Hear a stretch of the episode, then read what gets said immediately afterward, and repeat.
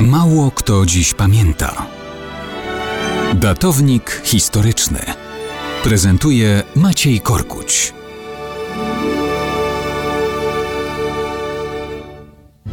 Mało kto dziś pamięta, że 1 października 1936 roku Erich von Manstein został mianowany generałem. Jego rodzina wywodziła się z polskiej szlachty z Pomorza. Mimo, że później był twórcą Sił Zbrojnych Republiki Federalnej Niemiec, jakoś niekoniecznie powinniśmy być z tego dumni. Manstein tak naprawdę to nie był Manstein. Urodził się w Berlinie w 1887 roku jako Fritz Erich von Lewiński. Był dziesiątym dzieckiem wysokiego oficera Reichswehry i jako czternastolatek został adoptowany przez majora Georga von Mansteina.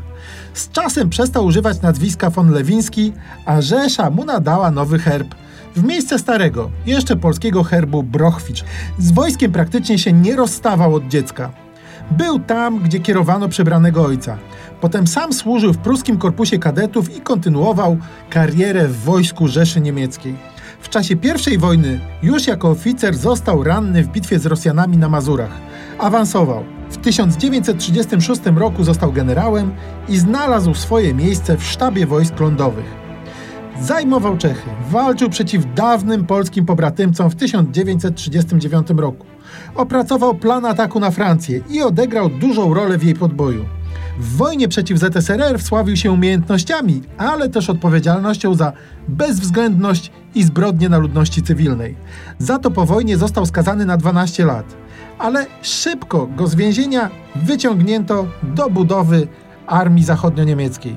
Zabiegał o to osobiście Konrad Adenauer, czyli krótko mówiąc von Manstein, zbrodniarz i fachowiec w jednym.